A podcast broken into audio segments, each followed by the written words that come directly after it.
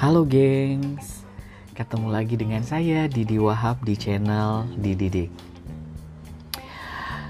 Saya masih ingat profesor linguistik aku yang hobi diving mengalami sedikit masalah di matanya sehingga harus dioperasi. Singkat cerita nih, operasi itu berjalan lancar. Tapi profesor aku itu diharuskan memperban matanya selama seminggu. Lalu tibalah hari di mana perbannya harus dibuka. Dan di sinilah kisah ini dimulai. Setelah perban itu dibuka, mulailah profesor aku ini merasa sedikit pusing dan tidak nyaman dengan matanya. Tapi dokter mengatakan itu mungkin hal yang normal untuk beberapa hari ke depan. Dan profesor aku itu harus menunggu dengan sabar serta meminum beberapa pil pereda pusing. Tapi setelah beberapa hari, profesor aku itu menunggu rasa pusing itu tidak kunjung reda loh malah menjadi makin tidak nyaman. Dan dia putuskan untuk kembali ke dokter untuk memeriksakan kondisi tersebut. Dan kembalilah dokter memeriksa dengan teliti hasil operasinya. Tapi kembali lagi tidak ditemukan hal yang salah.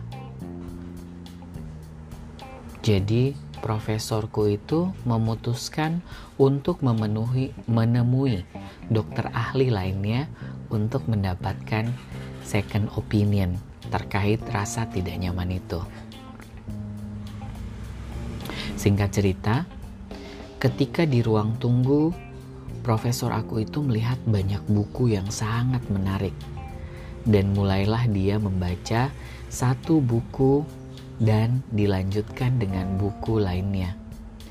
Karena ternyata nih dokter yang ditunggu itu, dokter yang spesialis mata itu mendadak harus menangani pasien yang lebih urgent untuk ditindak. Setelah beberapa jam, profesor aku ini merasa kok matanya lebih nyaman ya. Dan rasa pusingnya itu mereda secara signifikan. Jadi, dia kembali ke rumahnya dan menjadwalkan ulang untuk bertemu dengan dokter spesialis mata itu. Setelah itu, dia pun kembali dengan jadwal hidup seperti biasa sampai suatu hari dia ditelepon oleh dokter spesialis itu untuk bertemu. Dan ajaibnya, dia tidak merasa kalau tidak nyaman lagi. Dan pusing itu totally tidak dirasakan lagi oleh profesor aku itu. Tapi dia tetap menjadwalkan untuk ketemu dengan dokter itu. Nah, setelah dokter spesialis itu memeriksanya, tidak menemukan hal yang salah loh setelah pemeriksaan intensif itu. Dan dokter itu bercanda bahwa mungkin perasaan tidak nyaman dan pusing itu terjadi hanya karena profesor itu tidak membaca selama seminggu karena matanya harus diperban. Dan Benar saja dong. Mungkin bagi beberapa orang, termasuk aku, menganggap itu lelucon. Masa sih ada orang yang seminggu saja tidak membaca, jadi pusing dan tidak nyaman? Mungkin agak lebay kali ya tentang hal itu. Tapi kemudian muncul pertanyaan Kamu tiap hari mandi nggak? Jika jawabannya iya, bahkan kamu bilang mandinya mungkin dua kali sehari, coba deh kamu jangan mandi selama seminggu. Apa yang akan terjadi? Bisa dipastikan kejadian yang menimpa profesor itu pasti akan kal kalian alami juga. Yup, benar. Perasaan pusing dan tidak nyaman. Begitulah kerja organ dan perasaan kita mungkin.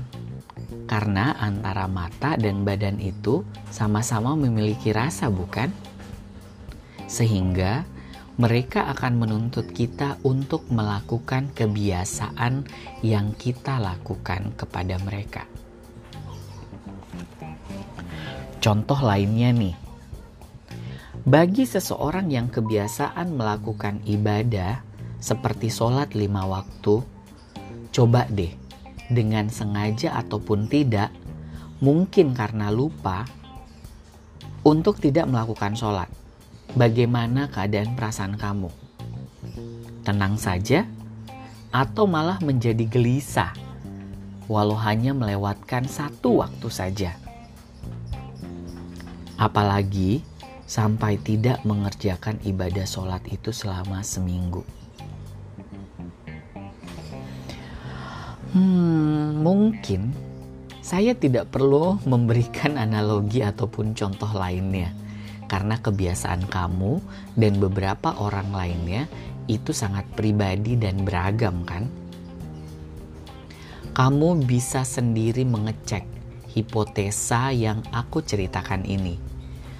Disesuaikan dengan pengalaman kamu. Saya yakin kamu sedikit banyak membenarkan bahwa yang saya sampaikan hari ini benar adanya. Begitulah dahsyatnya kebiasaan yang kita lakukan. Akan mempengaruhi banyak hal yang penting di diri kita. Bahkan, jika seorang balita tidak terbiasa berjalan, apakah mungkin saat dia besar nanti akan langsung bisa berjalan? Sama seperti apakah mereka tiba-tiba lancar membaca jika tidak terbiasa mengenal huruf atau mengeja kata? Atau apakah mungkin kita semua bisa menjadi ahli dalam satu bidang tanpa adanya kebiasaan? Nah, mungkin ini berlaku kepada kita jika ingin bisa di bidang tertentu. Jika kita melakukan kebiasaan terhadap hal yang ingin menjadi kebiasaan kita itu. Tapi ini juga menjadi peringatan bagi kita untuk menghindari beberapa kebiasaan yang buruk. Karena suatu saat akan berimpact langsung juga pada kita. Saya rasa sampai di sini kamu mengerti dan paham apa yang saya maksud sebagai kebiasaan buruk. Entah itu berhubungan dengan diri kita sendiri ataupun yang mengakibatkan hal yang buruk bagi orang lain ataupun dalam bermasyarakat. Mulai kebiasaan berbohong sampai pada kebiasaan moral yang bisa menjadi efek buruk lainnya. Yuk, mari kita menjadikan kebiasaan yang baik sebagai hal yang biasa kita lakukan. Mungkin kedengarannya klise karena relatif pada setiap orang, tapi tidak ada salahnya untuk kita coba. Saya yakin kebiasaan baik yang kita lakukan akan menjadi kebiasaan yang bermanfaat bagi diri kita dan orang lain. Terima kasih gengs udah mampir ke channel Dididik by saya Didi Wahab. Semoga bermanfaat di sela-sela kesibukan kamu.